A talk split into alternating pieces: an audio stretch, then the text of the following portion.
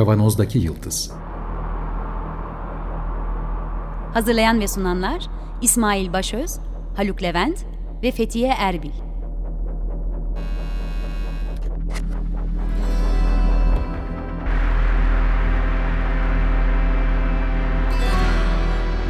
Bugünün penceresinden geleceğin ayak izleri.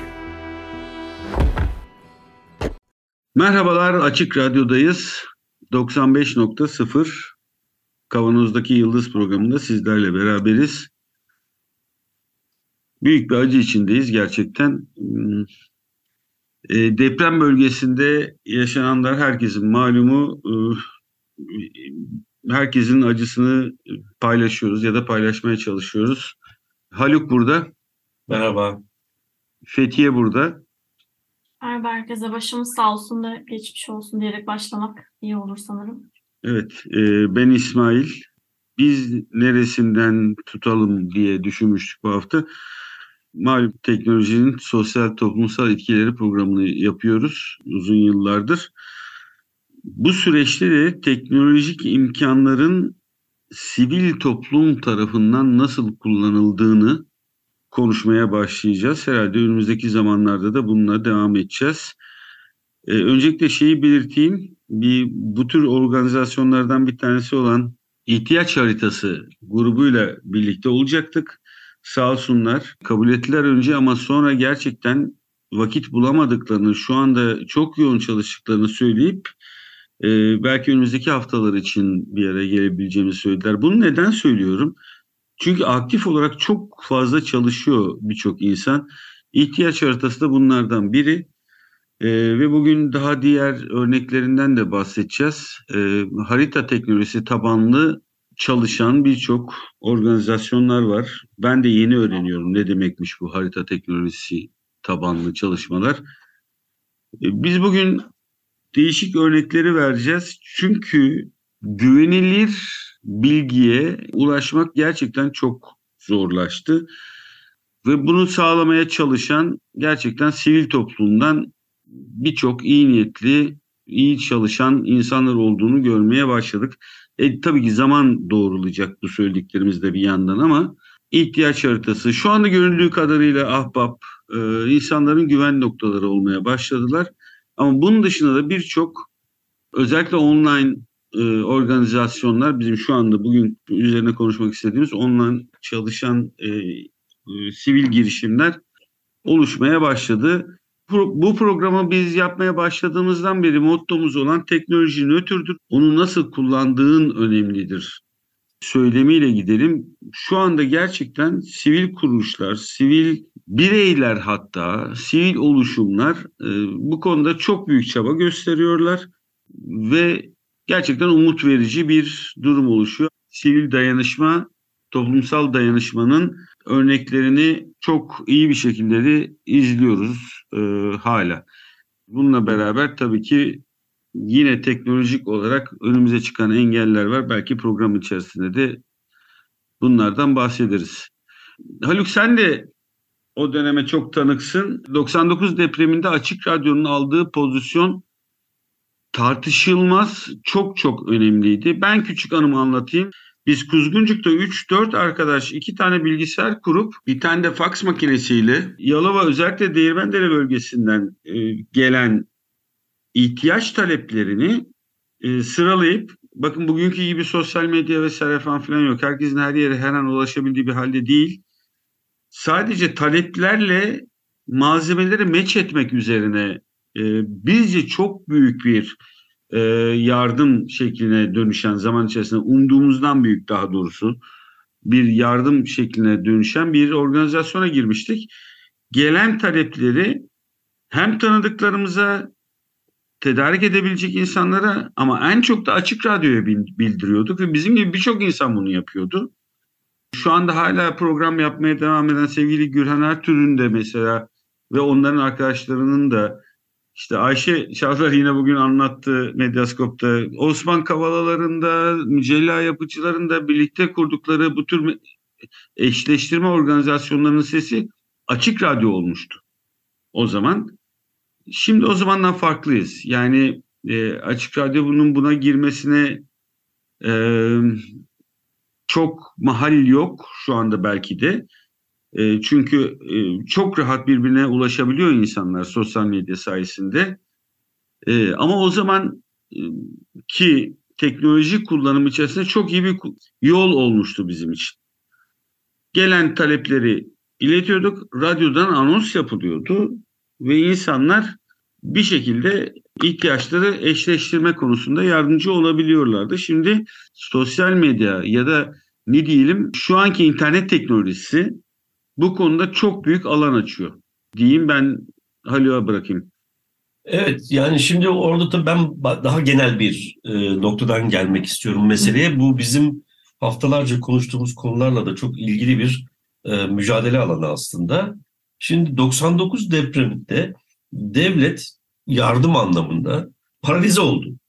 O paralize olunca e, insanlar küçük ölçeklerde sonra giderek bunlar birbiriyle de iletişim haline geçerek e, daha büyük ölçeklerde ki Açık Radyo'da işte bu iletişimin önemli santral noktalarından bir tanesi. Yani telefon santrali gibi çalışıyordu.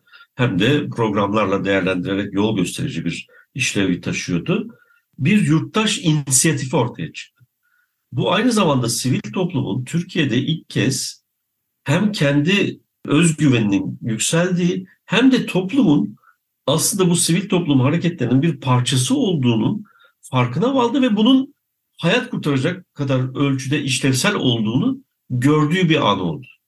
Bu bence dönüm noktalarından bir tanesiydi Türkiye'de. Devletle yurttaş arasındaki ilişkinin. Dolayısıyla oradan e, başlayan süreç Avrupa Birliği e, entegrasyon ihtimali de ortaya çıkınca iyice genişledi, e, hayat buldu ve bu bizi Gezi'ye getirdi. Çünkü Gezi de ilk defa bu sefer bir başka dönüm noktası olarak e, bu sivil toplumun yani e, yurttaş bilincinin siyasi alanda da e, bir sözünün olabileceğini gösterdi.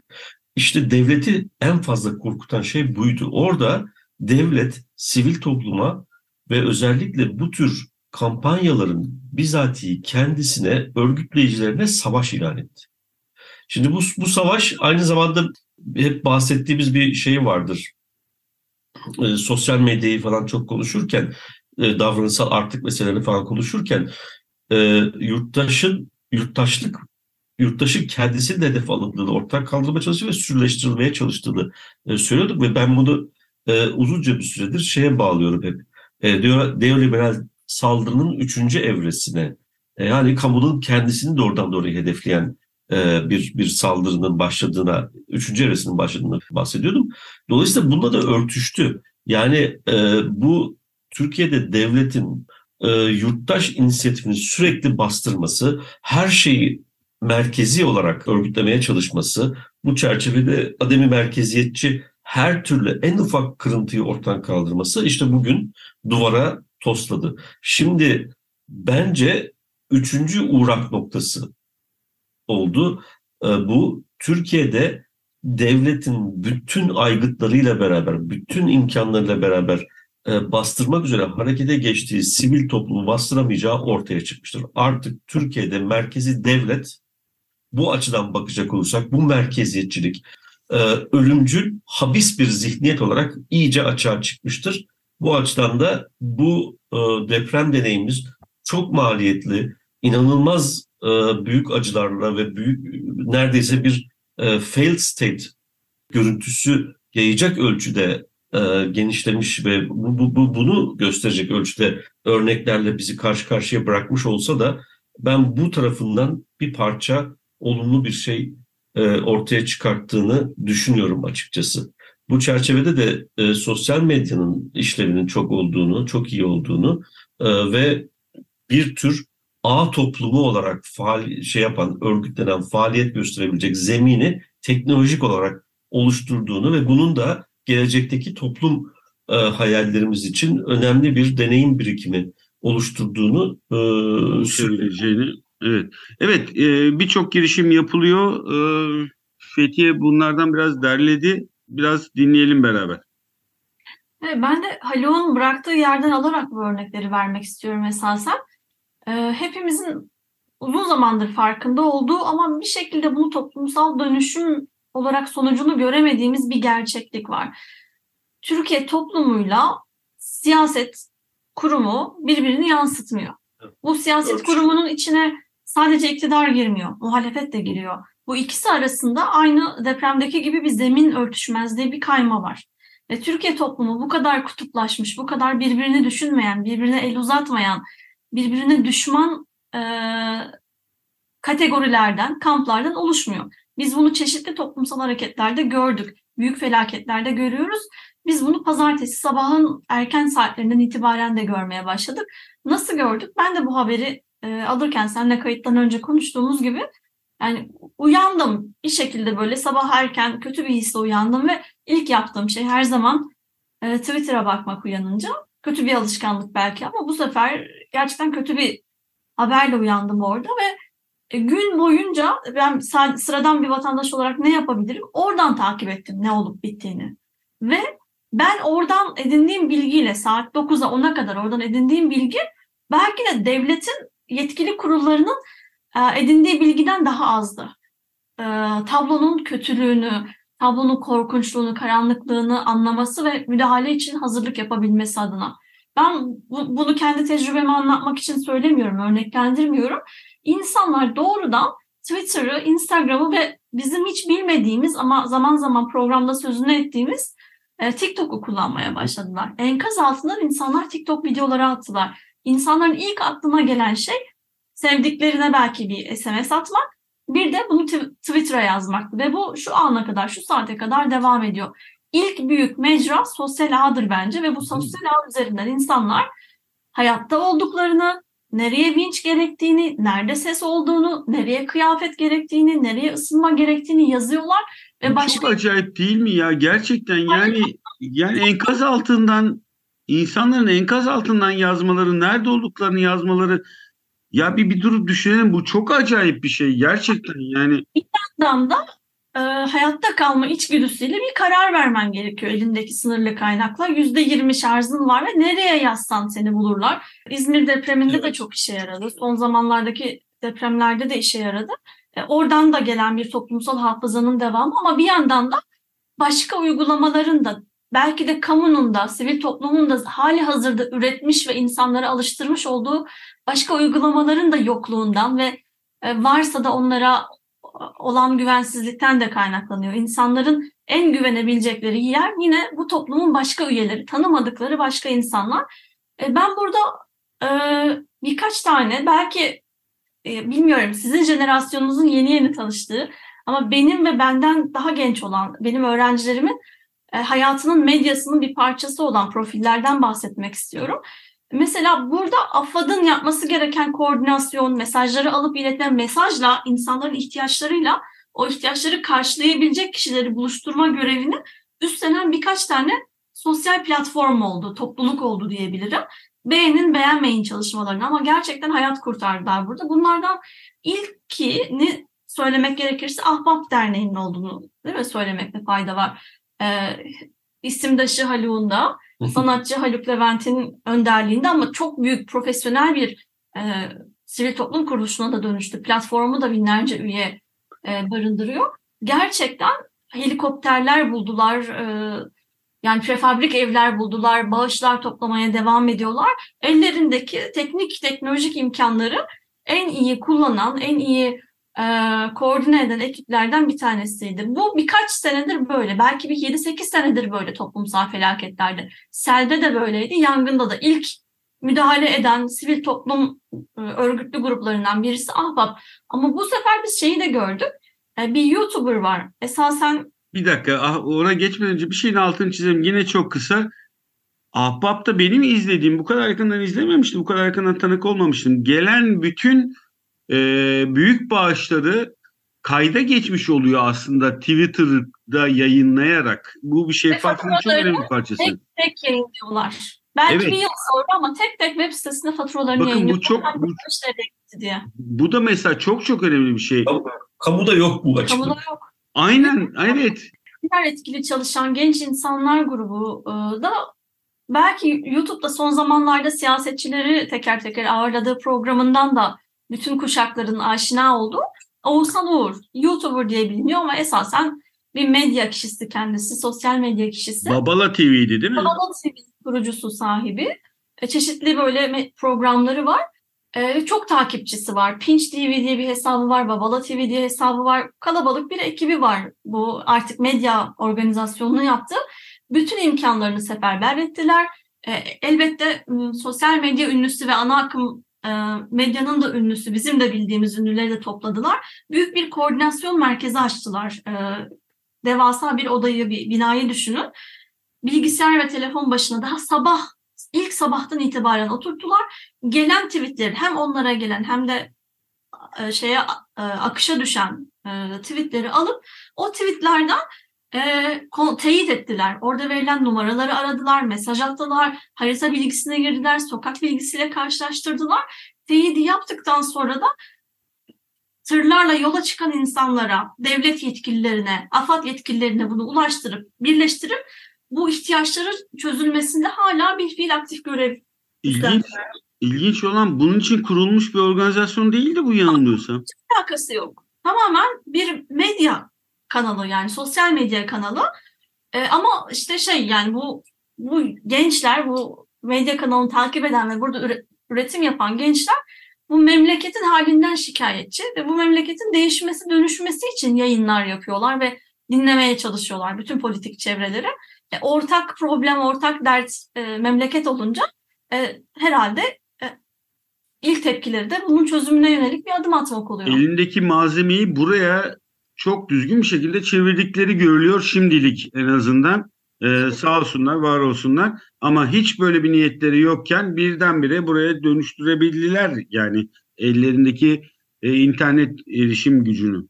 E, hani şeyden de farklı olarak belki bizim kendi daha e, sol camianın sivil toplum pratiğinden farklı olarak ikisi de birbirinden iyidir, kötüdür diye söylemiyorum bunu. Bir tespit için söylüyorum hem ahbap hem de bu Babala TV etrafındaki insanlar biraz daha e, iktidarla, devlet organlarını elinde tutan kişilerle e, mesafeli de olsa iletişim kurabilen kişiler. Yani arayıp Adıyaman Vali Yardımcısına ulaşıp oradaki yolun açılması için böyle bir talep var dediğinde o vali yardımcısı o telefonu açıyor. Neden açtığını tahmin edebiliriz belki arkasındaki insan gücünün e, yani etkisinin olumsuz olabileceğini tahmin ediyor olabilir belki. Sadece politik sebeplerle de olabilir bilmiyorum. Ama iletişim kurabilen kişiler, bu köprüyü kurabilen kişiler e, aradaki köprüyü kurma açısından ee, bir de şeyi paylaşmak isterim ben esasen. Belki önümüzdeki günlerde davet ederiz onu da e, vakti olursa. Özgenür Korlu bizim daha önceki yayınlarımızda misafirimiz olmuştu eğitim reformu girişiminde. Onun sosyal medya hesabından, LinkedIn hesabından gördüm. Siz de takip edebilirsiniz. O da bir veri analisti e, ve politika analisti olarak, e, profesyonel olarak çalışıyor.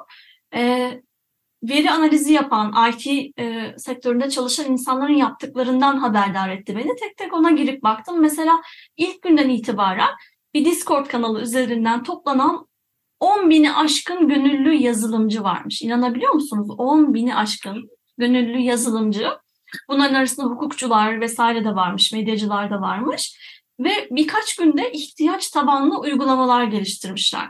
Yani bazılarını belki duymuştur dinleyicilerimiz birkaç gün içinde. Bazılarını ilk defa duyuyorsunuzdur. Bir girin bakın size bundan sonrası için bir fikir versin. Mesela tanıdığım en, enkaz altında diye işaretleyebileceğiniz, bilgilerini girebileceğiniz bir yer. Gıdaya ihtiyacım var, ısınmaya ihtiyacım var, iş makinesi yardımı sağla ya da iş makinesine ihtiyacım var bilgisi. Afet haritası diye deprem enkaz e, diye uygulamalar geliştirdiler. Harita tabanlı uygulamalar. Burada da e, Twitter'dan akan o bilgileri, verileri toplayıp gerçek zamanlı verileri, saati, konumu, kişisiyle, telefon numarasıyla beraber e, Google Maps'le eşleştirmişler ve onları böyle pinlemişler harita üzerine ve bunu da böyle yapıp bir kenara da bırakmıyorlar. E, sahada çalışan AKUTA, AFAD'a kim varsa artık aktif çalışan arama kurtarma e, işinde çalışan ekiplere aktarıyorlar ve yani tabii elinde imkan olsa çok daha hızlı gider insanlar ama gerçekten de onun oradan gelen ihbarlara gidip o sesi duyup, o canlı nefesi duyup o enkazın altından insan kurtarıldığına dair mesajlar alıyorlar. Ee, bu da bence bize birkaç şeyi birden gösteriyor. Şunu söyleyeyim ve bırakayım İsmail. Ee, yani elimizde çok yetişmiş bir e, insan gücü var yazılım alanında da ve biz afetlere teknoloji temelli olarak çözümler bulabiliriz, önlemler alabiliriz. Ama buradaki parça parça olan bu gönüllü yapılan çalışmalar aslında bir sürü şeyin varlığının yanı sıra bir şeyin yokluğunu gösteriyor.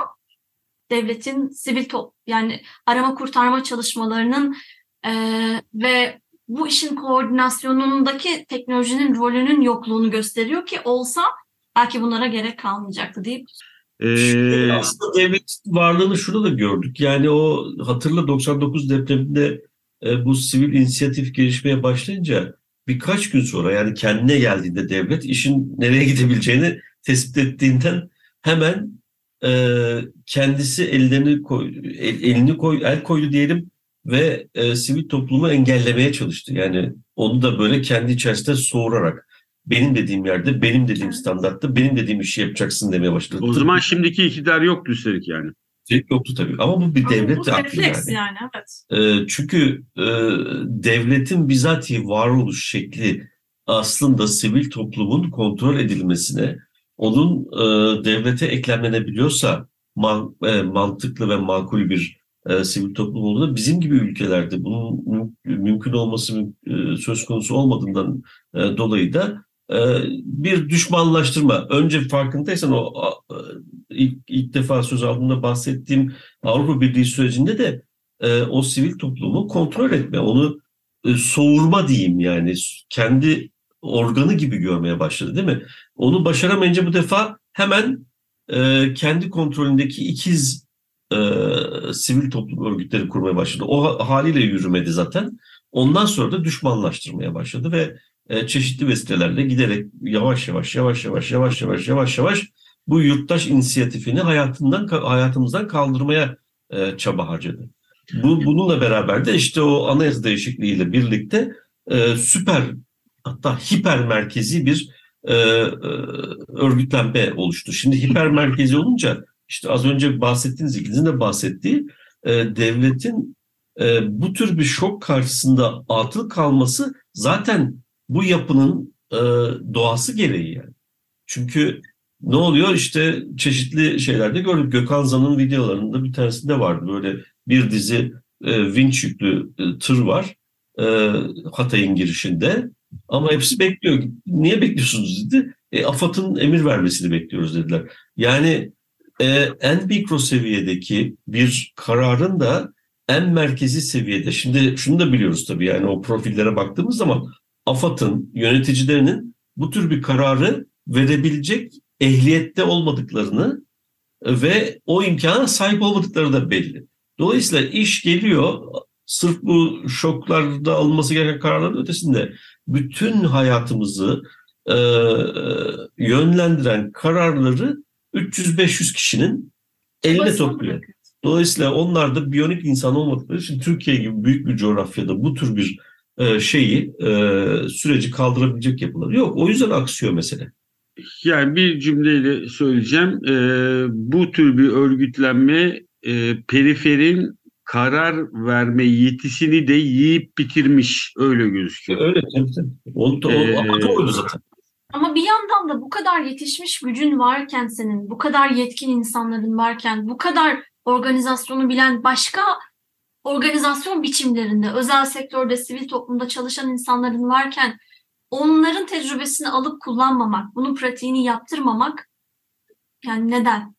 Ee, teknolojinin sivil toplum örgütlenmesindeki ıı, ya da insanların hadi sivil toplum lafını kullanmayalım. İnsanların örgütlenmesinin şu anda teknolojik olarak çok büyük altyapıları var ve insanlar buna çok meyyeller ve yapıyorlar. Çok umut verici. Bana da e, iyi geliyor bu şey. Sevgili dostumuz Tam Morgül'ün de e, bir yazısında belirttiği gibi yani donduk sarılarak ısınacağız lafını da burada e, kullanmak istedim. E, izni olacağına eminim. Gerçekten sarılmanın yolu olarak şu anda internet iletişimi çok çok çok büyük önem taşıyor. Başımız başta en programın başında söylediğim lafla bitirelim. Teknoloji nötrdür ve bizim onu nasıl kullandığımızla e, ilgilidir her şey ve şu anda dayanışma ağlarını organize etmek için bizim elimizdeki en önemli malzemelerden biri olarak görünüyor. Evet, e, önümüzdeki günlerde de herhalde aylar boyunca sürecek bir sıkıntı içerisindeyiz. Önümüzdeki günlerde de olabildiğince daha çok paylaşımlar yapmaya devam edeceğiz. Programın sonuna geldik. Bu programın size ulaşmasını sağlayan Açık Radyo çalışan arkadaşlarımıza da her zamanki gibi çok teşekkür ediyoruz. Önümüzdeki haftalarda tekrar görüşmek üzere. Hoşçakalın. Hoşçakalın.